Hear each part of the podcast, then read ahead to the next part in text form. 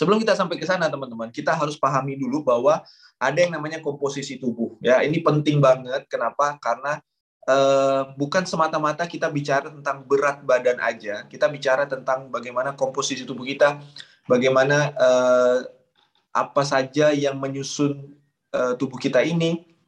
So far ada banyak teori, ada banyak uh, fakta, ada banyak artikel yang membahas tentang komposisi tubuh. Tapi uh, mari kita bahas secara garis besarnya aja, teman-teman. Ya, jadi secara garis besar, komposisi tubuh itu kurang lebih terbagi menjadi yang namanya ini ya nggak kelihatan. Kurang lebih terbagi menjadi yang namanya lemak kemudian air uh, terus ada otot ya. Anggaplah seperti itu. Walaupun kita bisa bicara tulang kita bicara organ dan masih banyak lagi Nah, yang perlu teman-teman ketahui, terutama buat teman-teman yang sedang program diet, yes, memang betul ada yang namanya weight loss, ada yang namanya fat loss. Weight loss turun berat badan, fat loss adalah turun atau uh, berkurangnya ya bagian uh, jumlah lemak body fat di tubuh kita. Nah, kalau teman-teman bicara tentang berat badan, maka berat badan itu adalah keseluruhan.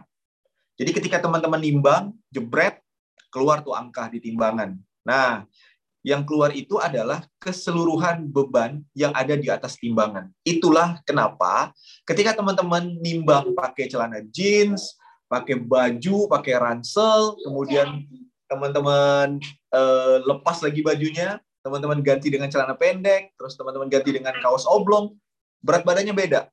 Padahal itu nggak pakai makan, nggak pakai segala macamnya. Yes, kenapa?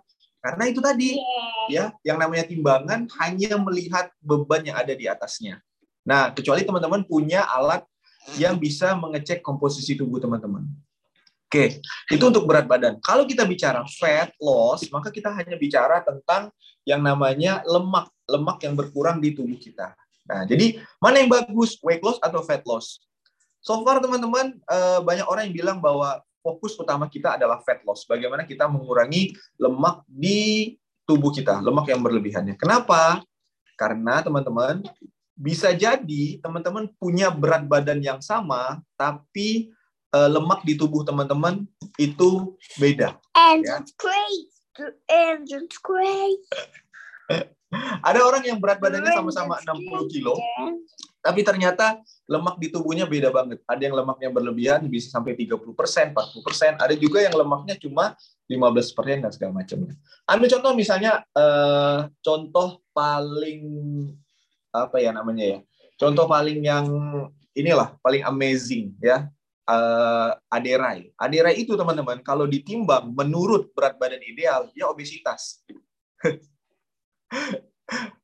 Aduh, kasihan banget ya kalau misalnya uh, Adere nimbang terus dia, aduh saya berlebihan berat badannya. Padahal teman-teman, kalau teman-teman perhatikan komposisi tubuhnya, itu body fatnya mungkin bisa 5% atau 7% atau mungkin 10%.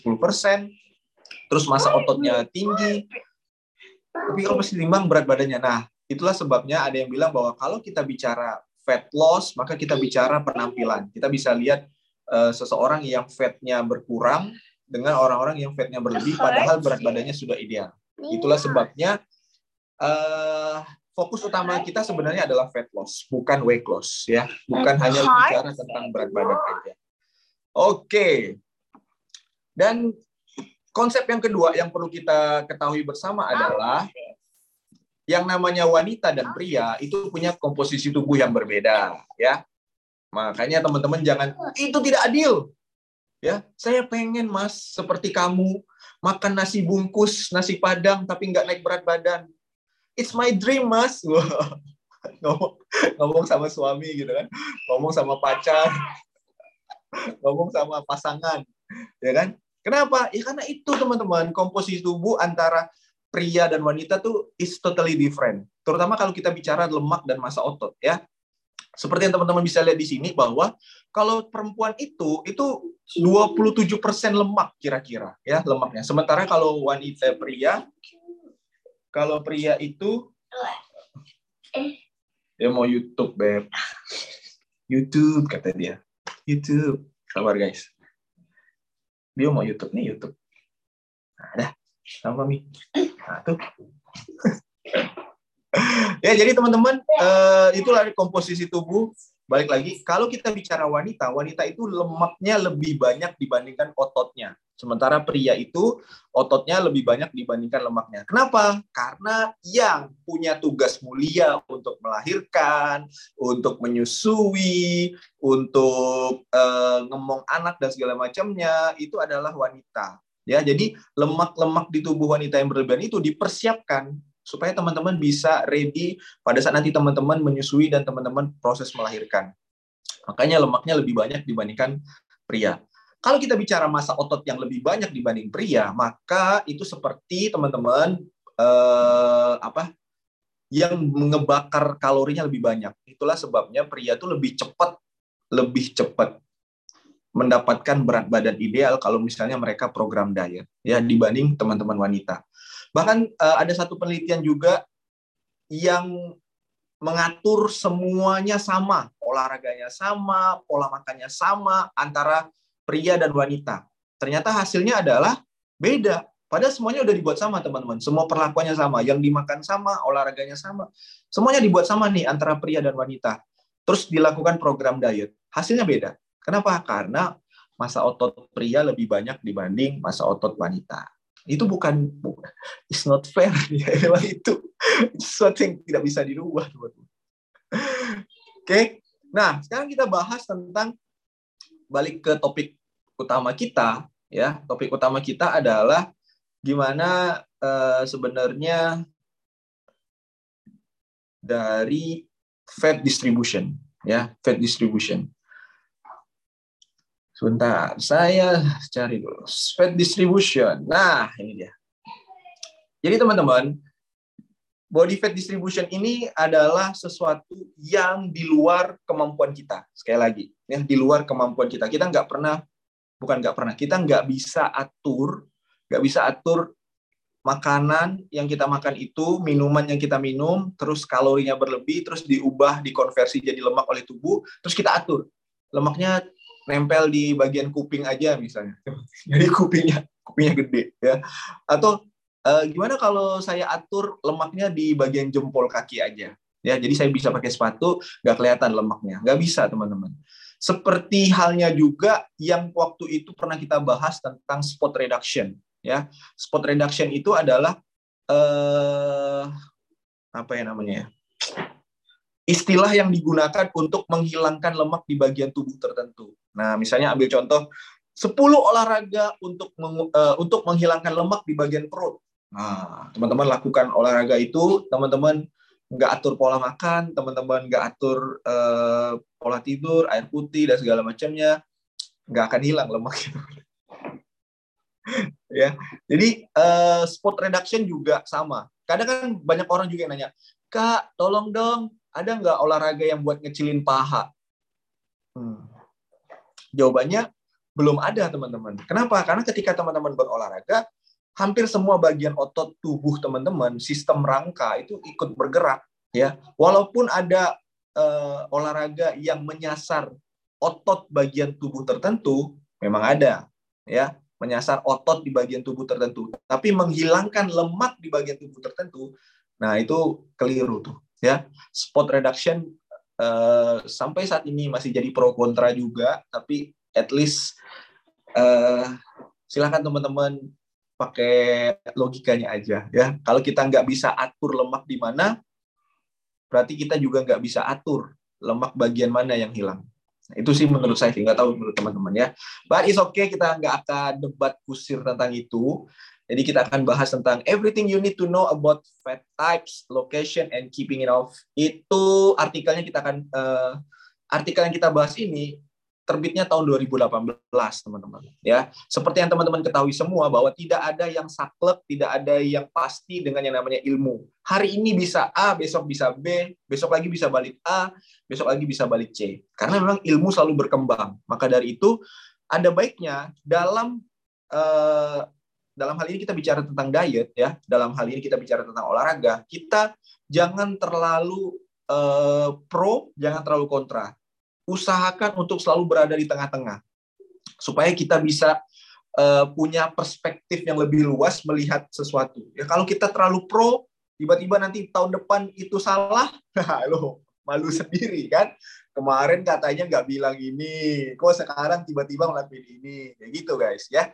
Jadi berusaha untuk berada di tengah supaya kita bisa lihat kanan kiri kita kayak gitu. Jadi kalau ada yang bilang ini yang lebih bagus, ini yang lebih bagus, ini yang lebih bagus, nggak apa-apa. Kita tetap pelajari dan uh, kita lihat kontraknya seperti apa gitu ya. Nah ini terbitnya tahun 2018, artinya udah tiga tahun, empat tahun berarti 2022 sekarang. Kita cek. Jadi uh, artikel yang 2018 ini dia bilang bahwa it's no secret that having too much body fat could be bad for your health. Yes, betul kan? Buat teman-teman yang uh, punya lemak berlebih di bagian tubuh teman-teman, itu bisa jadi meningkatkan resiko teman-teman untuk uh, banyak penyakit, ya, banyak penyakit degeneratif ataupun penyakit-penyakit lainnya, ya. Dan you're probably focus on how much you have. Banyak orang yang juga akhirnya fokus dengan seberapa banyak lemak yang ada di tubuhnya, berapa lipatan, kemudian body fatnya seberapa banyak dan segala macamnya. Tapi yang perlu kita garis bawahi di sini adalah gimana sih sebenarnya fat distribution, gimana sih lemak itu diatur oleh tubuh penempatannya, ya? Apakah eh, tubuh ngaturnya itu otomatis atau tubuh itu ngaturnya segala macamnya? Nah, hari ini kita akan bahas.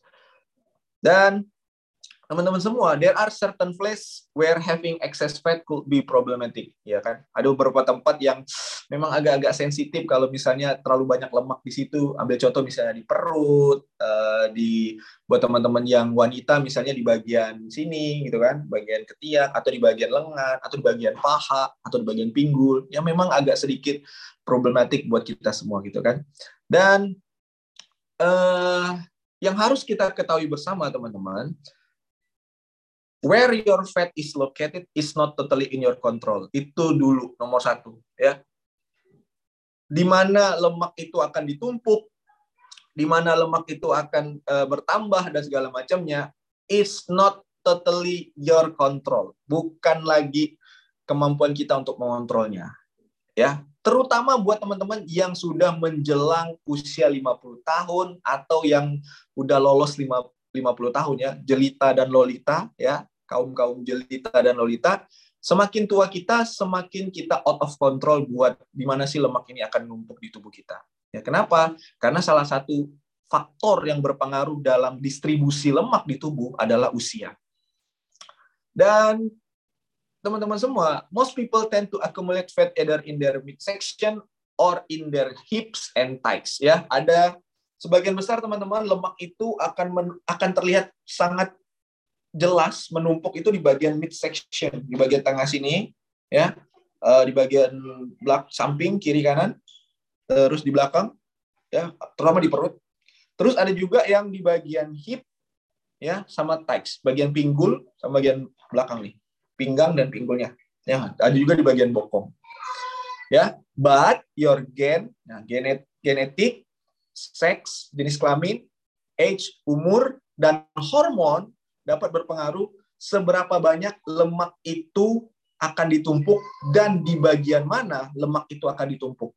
Nah, ya sekali lagi genetik, usia, jenis kelamin, hormon itu adalah empat hal yang mempengaruhi di mana lemak itu akan menumpuk dan seberapa banyak lemak itu akan ditumpuk. Itu udah itu udah di luar uh, uh, kontrol kita, teman-teman. Ya, jadi Eh, dari genetik 50 di sini di artikel ini dibilang bahwa 50% ya fat distribution ya penyebaran lemak di tubuh kita itu ditentukan oleh genetik yang dilakukan oleh penelitian di tahun 2017 if most of the people in your family have rounder bellies or fuller hips there is a good chance you will follow suit. Jadi kalau misalnya nih kita punya keturunan atau punya orang tua atau punya kakek nenek yang eh, alokasi lemaknya tuh selalu di bagian perut, kemudian di bagian bokong dan segala macamnya. Kita punya eh, peluang, nggak pasti teman-teman ya, peluang untuk punya hal yang sama di tubuh kita. Ya, itu genetik. Terus yang kedua adalah jenis kelamin. Healthy body fat level for males range from from 6 to 24%. Jadi kalau buat uh, pria itu range range buat body fat levelnya itu adalah 6 sampai 24 persen. Kalau untuk wanita 14 sampai 31 persen menurut dari American Council on Exercise. Dan men tend to accumulate more fat around the midsection while women gain it more in the hips and buttocks. Jadi di sini dibilang bahwa kalau laki-laki itu cenderung cenderung uh, apa fatnya itu di bagian perut teman-teman. Midsection di bagian sini. Kalau wanita itu cenderung di bagian pinggul dan bagian bokong. Nah ini kata American Council on Exercise. Itu tadi jenis kelamin. Terus yang ketiga adalah umur. Semakin tua seseorang maka mereka cenderung akan punya level uh, body fat yang lebih tinggi. Dan thanks up to factor like a slowing metabolism and gradual loss of muscle tissue. Hal ini disebabkan karena pada saat kita semakin tua, metabolisme tubuh kita akan semakin lambat dan secara berkala jaringan otot kita tuh akan berkurang tanpa kita sadari ya. Memang udah secara natural.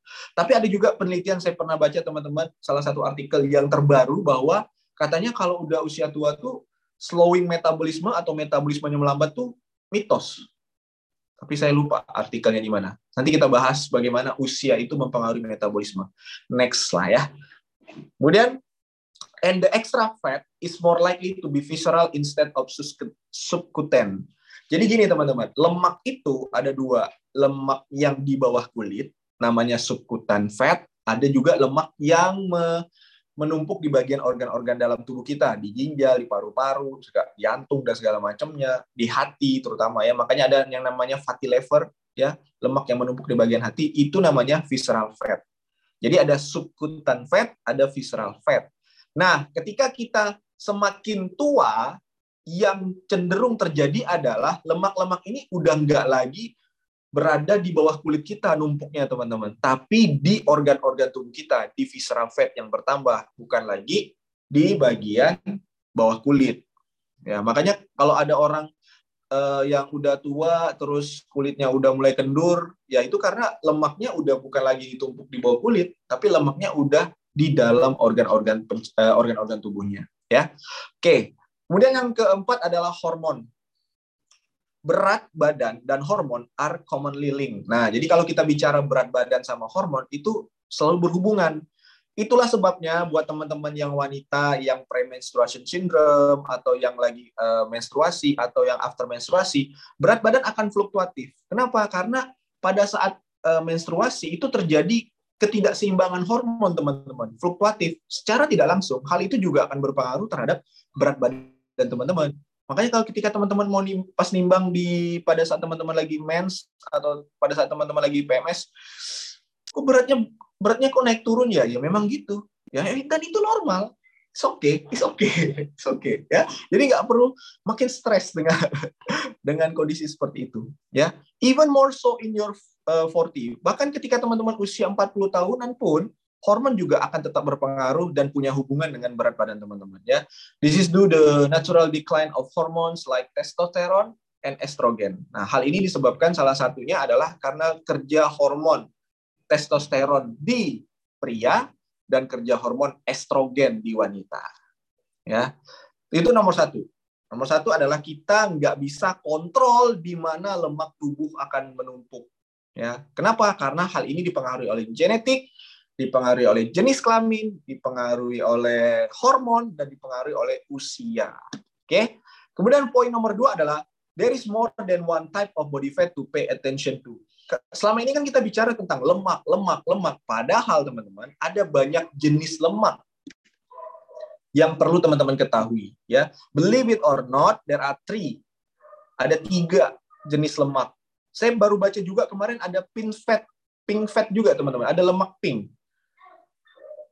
Nanti kita akan bahas lah ya. Not only does each one have a different function, they are located in different parts of your body. Jadi ada jenis uh, jaringan lemak. Yang pertama adalah jaringan lemak subkuten. Tadi saya sudah bicara. Subkuten ini all over but mostly around uh, butt, hips, and thighs. Ya, di bagian bokong, di bagian pinggul, terus di bagian paha itu biasanya uh, lebih banyak ditemukan jaringan lem jaringan lemak ini di bawah kulit. Kemudian ada visceral fat ya lemak yang ada di organ-organ tubuh kita. Itu around apps but can be feel. Nah, bedanya subcutaneous sama visceral fat adalah kalau visceral fat kita nggak bisa ngerasa, nggak bisa cubit. Tuh, kalau ini kan kita bisa cubit. Tara, this is subcutaneous. Di bagian biasa double chin, ini subcutaneous. Bisa cubit teman-teman. Makanya cara paling sederhana untuk mengetahui apakah kita harus segera diet atau tidak adalah dengan cubit, cubit, cubit, cubit, cubit.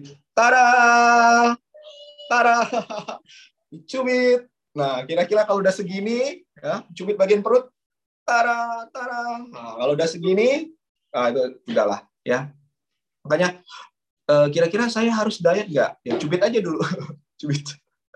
kalau, kalau segini, gedenya, oh udahlah, diet ya. Apartemen, masya Allah. Ada yang bilang apartemen. Ini jadi ingat Bu Arma ya, Bu Arma. Bu Arma bilangnya apartemen. Oke, berikutnya adalah brown fat, teman-teman. Brown fat ini uh, biasanya lebih banyak ditemukan di bagian shoulder, ya, sama di bagian chest, di bagian shoulder, sama bagian chest. Ini brown fat kata uh, kata artikelnya.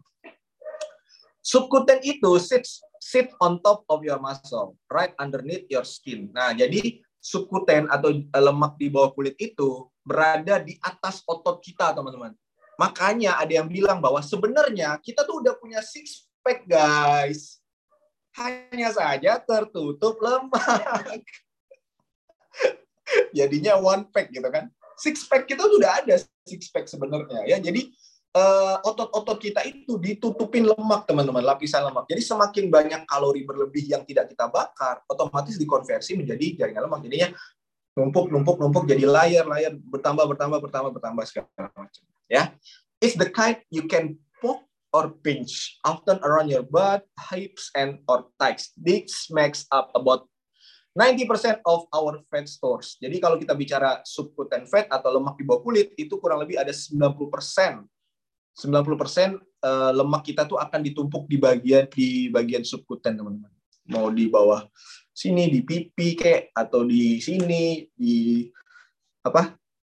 belakang, terus di bagian kiri kanan, depan, paha. Pokoknya di situ semua uh, lemak akan disimpan, teman-teman. Yang kedua adalah visceral fat. Visceral fat sit deep inside the abdominal cavity. It surrounds vital organ like liver, intestine, and heart. Jadi uh, visceral fat biasanya ada di liver, hati, intestine, bagian usus, sama di bagian jantung.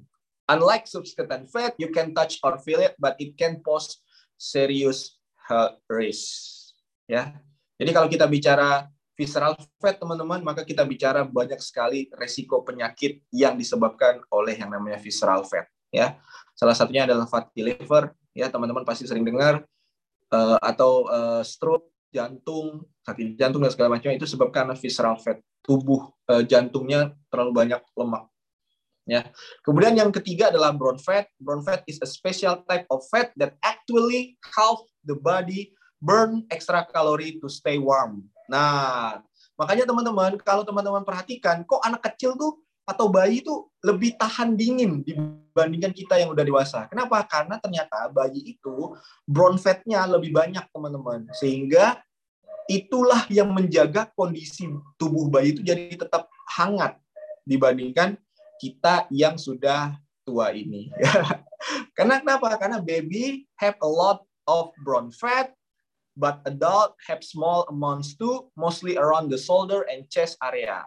Nah, jadi ada satu penelitian menunjukkan bahwa uh, di antara lima laki-laki ditemukan uh, mereka itu punya brown fat can activate it and boost calorie burning. Jadi brown fat yang ada di laki-laki itu bisa menambah proses pembakaran kalori pada saat mereka uh, berolahraga ataupun mereka lagi uh, sedang bersantai atau segala macamnya ya jadi uh, sudahlah laki-laki itu punya masa otot yang lebih banyak mereka juga punya brown fat yang bisa diaktifasi untuk bakar kalori yang ada di tubuh mereka. Nah itu. Jadi ada satu lagi teman-teman. Saya lupa uh, penjelasannya apa. Pink fat ya. Ada pink fat. Jadi ada yang namanya visceral fat, ada yang namanya subcutaneous fat, dan ketiga ada yang namanya brown fat. Oke. Berikutnya adalah subketen, the pinchable kind actually has some important benefit. Ini yang perlu kita pahami bersama bahwa lemak itu tetap dibutuhkan oleh tubuh, teman-teman. Ya, jaringan lemak itu tetap dibutuhkan oleh tubuh. Salah satu cara untuk tubuh tetap bisa melakukan aktivitas, ya salah satunya adalah dengan bantuan lemak. Jadi sangatlah eh, miris kalau teman-teman bilang teman-teman nggak butuh lemak. Salah satunya adalah lemak itu merupakan pelarut vitamin A, D, E, dan K. Jadi kalau teman-teman nggak ada lemak atau teman-teman kurang lemak baiknya, maka vitamin yang masuk itu ya nggak akan dilarut dalam tubuh dan nggak akan diserap oleh tubuh. Jadi cuma lewat doang vitamin A, vitamin D, vitamin E, vitamin K. Ya, subcutaneous fat is basically store energy. Small amount of it can be more helpful than you think. Ya, uh, subcutaneous atau lemak di bawah kulit itu salah satu fungsinya adalah untuk menyimpan energi cadangan. Ya, it pumps up hormone like leptin, which signal to the brain that you are full and don't need to keep eating. Dan salah satu hormon yang mengatur rasa kenyang dalam hal ini disebut dengan hormon leptin itu dikeluarkan oleh jaringan lemak. Jadi kalau makanya ada istilah yang namanya resistensi leptin. Resistensi leptin itu apa? Resistensi leptin itu adalah ketika tubuh dibanjiri hormon leptin akibat terlalu banyak jaringan lemak di tubuh kita. Nah, jadi sebenarnya teman-teman kita yang obesitas, teman-teman kita yang uh, mengalami berat badan berlebih dan punya lemak banyak di tubuhnya, itu sebenarnya pengen berhenti makan, tapi karena hormon rasa kenyangnya terlalu banyak resistensi leptin, akibatnya apa? Akibatnya mereka nggak bisa kontrol, teman-teman. Padahal udah, kalau kita kan enak banget ngomongnya kan. Ngapain sih lu makan terus? Ya elah, saya tuh pengen kenyang, tapi nggak kenyang-kenyang gitu. Jadi ya wajar kalau teman-teman kita yang obesitas atau yang berat badannya berlebih itu butuh effort, bukan hanya sekedar motivasi. Ayo kamu harus kurus, kamu harus kurus. Kalau anak zaman sekarang bilang toxic positivity. Waduh, zaman saya dulu enggak ada. Zaman saya dulu ya semangat ya semangat. Kalau sekarang ada toxic positivity. Ada lagi. Masya Allah. Jadi sekarang kalau kita bilang, yuk bisa yuk, semangat, pasti bisa. Toxic. Ngasih semangat ke orang sekarang toxic. Allah Akbar. Ada-ada aja ya. Oke, terlanjut. It also makes adiponectin and anti-inflammatory hormone that plays a role in maintaining healthy blood sugar level. Kalau lemaknya cukup atau dalam kategori normal, teman-teman, ya ternyata itu bagus banget untuk uh, sebagai anti-inflamasi buat tubuh kita. Tapi kalau terlalu banyak lemak, nah itu tuh yang jadi ngebuat anti-inflamasinya justru membuat inflamasinya makin lebih parah di tubuh kita, ya. Bahkan ada satu ada beberapa penelitian juga yang menghubungkan antara eh, COVID-19 dengan uh, teman-teman kita yang obesitas. Ya, tapi kita nggak akan bahas itu. Next aja. Ya.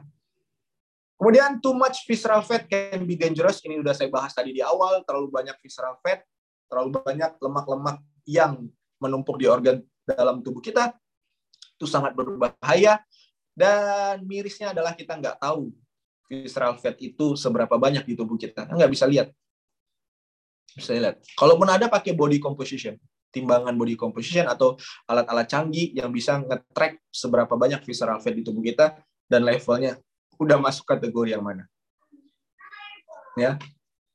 Kemudian excess visceral fat can increase risk of nah ini terlalu banyak visceral fat di tubuh kita menyebabkan resiko peningkatan resiko untuk penyakit jantung, darah tinggi, diabetes, stroke, bahkan beberapa kanker teman-teman ya.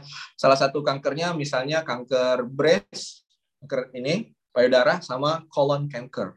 Colon cancer. Kanker usus. Why is hard to recognize how much visceral fat you have? Yes, betul. Susah banget tahu berapa banyak visceral fat yang kita punya. Having too much is surprisingly, is surprisingly common. Dan nggak nggak nggak mengejutkan juga kalau ternyata kita punya visceral fat yang banyak. Kenapa? Karena selama ini pola makan kita nggak diatur. Pola makan kita asal makan. Pola makan kita yang penting kenyang. Kita nggak nggak melihat uh, apa yang kita makan. kita nggak melihat segala macam. Yang kita lihat tuh uh, volume, porsi, harga, rasa dan segala macamnya. Jarang sekali kita bicara tentang uh, komposisi makro, mikro dan segala macamnya. Ya, bahkan teman-teman beberapa penelitian menunjukkan bahwa 44% wanita dan 42% laki-laki itu punya visceral fat yang berlebih atau dalam hal ini masuk udah kategori udah udah membahayakan ya. The most precise way to measure the amount in your body is with an MRI or CT scan. Nah, ini ya ada salah satu cara untuk mengukur visceral fat dengan presisi yang uh, lumayan bagus banget teman-teman. Katanya bisa gunakan MRI atau CT scan ya. Oke. Nah, tapi di sini dibilang bahwa ada satu cara yang teman-teman bisa memprediksi atau melakukan uh, pengukuran gimana sih sebenarnya visceral fat kita itu yaitu dengan mengukur waist circumstance ya, mengukur pinggang. Kalau lebih dari 35 inci itu untuk laki-laki, kalau untuk uh, perempuan itu 40 inch ya. Jadi kalau udah lebih dari 35 inci, kalau nggak salah 80 cm atau 90 cm itu untuk pria, kalau untuk wanita itu 70 sampai 80 cm. Kalau saya nggak salah, nanti kita coba koreksi, kita cek lagi ya. Nanti kalau teman-teman udah ukur terus udah berlebihan, udah guys. Udah langsung ya, langsung langsung banyak-banyak evaluasi dan refleksi. Udah ya. Karena saya baru aja diskusi tadi malam sama teman yang bilang bahwa uh, kalau kita atur-atur pola makan tuh nggak nikmati hidup. Terus saya bilang kecil banget definisi nikmati hidup hanya lewat makanan. Jadi menurut dia dengan atur dengan apa makan seenaknya dengan makan semuanya boleh dimakan itu udah menikmati hidup waduh padahal lebih dari itu kan tapi kita Ah, itu mah pendapat orang kita nggak bahas lah ya.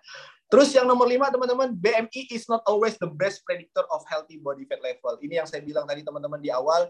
Yes, memang betul ada yang namanya tabel berat badan ideal. Yes, memang betul ada kategorisasi menurut perhitungan kita itu masuk underweight, overweight, atau kita itu masuk obesity, atau kita nggak obesity, atau kita normal. Salah satunya dengan BMI teman-teman. Nah BMI ini menggunakan tinggi badan dan berat badan di rumusnya ya. Maka dari itu di artikel ini bilang nggak nggak nggak harus pakai BMI juga untuk memprediksi kita itu punya body fat level yang sehat atau enggak. Seperti yang saya bilang tadi, bahkan BMI ini kalau kita gunakan ke teman-teman yang binaragawan, mereka udah pasti masuk kategori obesitas. Kenapa? Karena berat badan mereka berlebih. Padahal yang ngebuat berat badan mereka berlebih adalah komposisi tubuh otot mereka lebih banyak, lebih tinggi. Sehingga mereka cenderung masuk ke kategori obesity atau berat badannya berlebih. Ya, saya ambil contoh tadi Aderai. Aderai itu kalau ditimbang teman-teman, terus diukur dengan BMI, masuk obesitas beliau. Aderai obesitas. Enggak dong ya. Jadi BMI apakah BMI tidak boleh? Boleh. Tapi tidak bisa dijadikan salah satu acuan untuk teman-teman Eh, mengukur teman-teman itu sehat atau tidaknya dari hanya dari BMI aja. Oke? Okay? Dan seperti yang tadi saya bilang juga bahwa beberapa penelitian menunjukkan 22% pria dan 8% wanita yang normal berat badannya ternyata punya visceral fat lebih tinggi, teman-teman. Hore, bebek saya ideal. Tapi ternyata komposisi tubuhnya tidak menunjukkan ideal berat badannya ya lemaknya masih tinggi masa ototnya kurang kurang banget masa ototnya airnya juga kurang ternyata yang buat dia masuk ideal adalah lemaknya masih tinggi nah jadi teman-teman eh, kita bukan hanya bicara tentang berat badan aja tapi kita bicara tentang keseluruhannya ya overall Itulah sebabnya disarankan buat teman-teman yang program diet itu bukan hanya nimbang tapi juga ngukur lingkar tubuh ya. Dan bahkan ada juga yang bilang bahwa 22% laki-laki dan 10% wanita dengan obesity have level of visceral fat that fall within the normal range. Normal range. Ada juga yang pas diukur masuk obesitas teman-teman, berat badannya pakai BMI masih obesitas, tapi pas diukur komposisi tubuhnya ternyata normal. Masa ototnya bagus, lemak tubuhnya normal, airnya bagus dan segala macamnya. Tapi pas diukur dia masuk kategori obesitas. Nah, itulah sebabnya kita bukan hanya bicara tentang berat badan, berat badan, berat badan, berat badan. Yes, berat badan memang menjadi salah satu acuan, tapi bukan satu-satunya acuan buat teman-teman ngelihat dan mengukur progres teman-teman. Oke? Okay?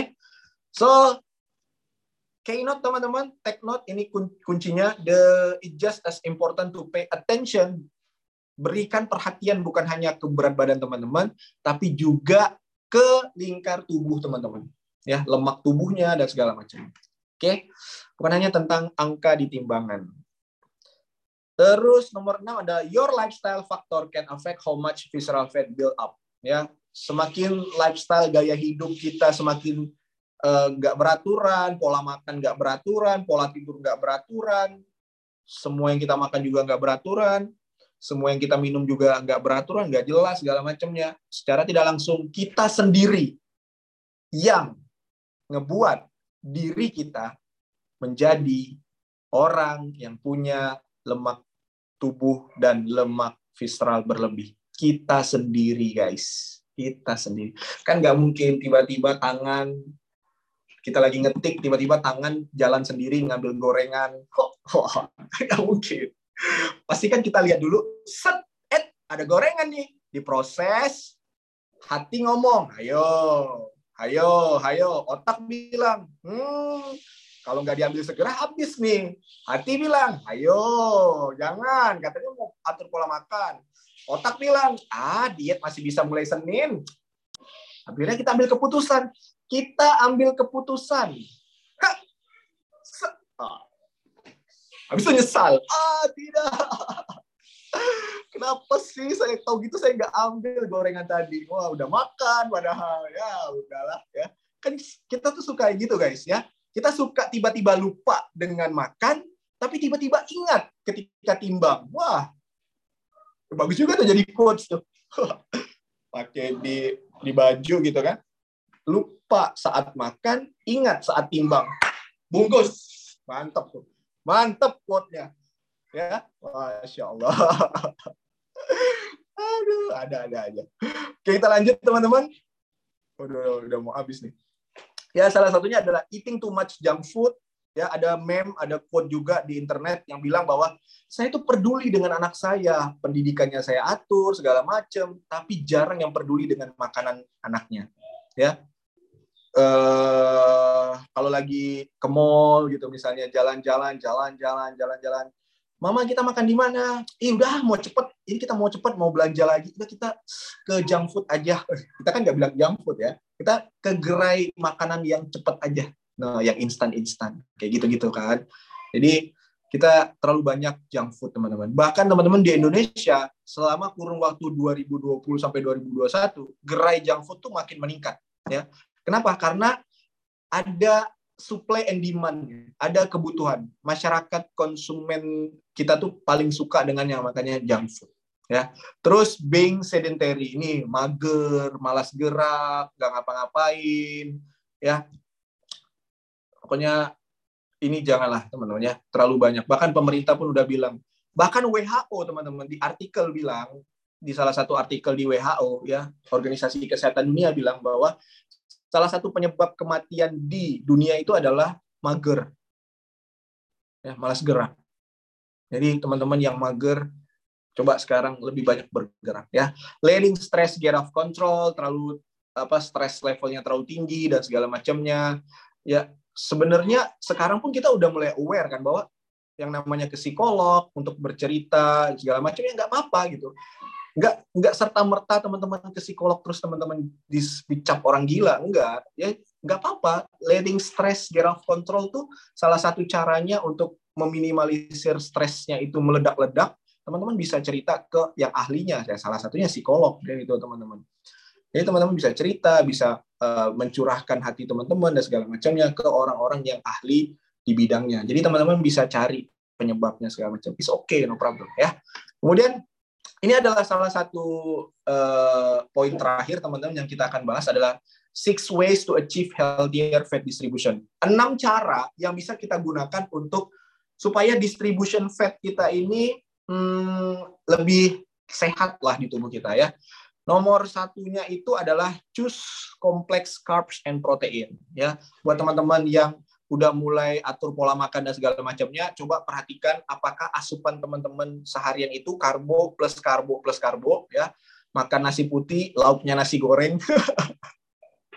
makan nasi putih lauknya nasi goreng ya, atau makan nasi lauknya mie nah, itu teman-teman cek apakah ada protein yang cukup protein harian yang cukup di pola makan teman-teman ya Terus uh, kurangi, bukan hindari teman-teman, kurangi karbohidrat-karbohidrat yang uh, sederhana, yang terlalu banyak gula dan segala macamnya. Boleh, tapi jangan terlalu berlebihan. Coba kompleks carbs ya, seperti gandum, uh, buah-buahan, segala macamnya itu boleh banget. Terus eat healthy fats. Mau dapetin lemak yang sehat di tubuh kita, otomatis kita butuh asupan lemak baik juga, teman-teman. Ya, Kemudian olahraga 30 menit sehari atau uh, kalau kata pemerintah 150 menit dalam seminggu itu it's okay, no problem, lakukan aja, no problem ya. Terus keep your stress in check. Ini penting banget buat teman-teman yang uh, ngalamin stres, nggak ada salahnya untuk uh, teman-teman ke psikolog atau teman-teman cerita buat menurunkan atau mengatur level stres teman-teman. Kemudian get 6 to 7 hours of sleep every night usahakan untuk dapetin kualitas dan kuantitas tidur yang cukup dan ini buat yang uh, like, minum alkohol ya batasin alkohol intake-nya. Nah, ya.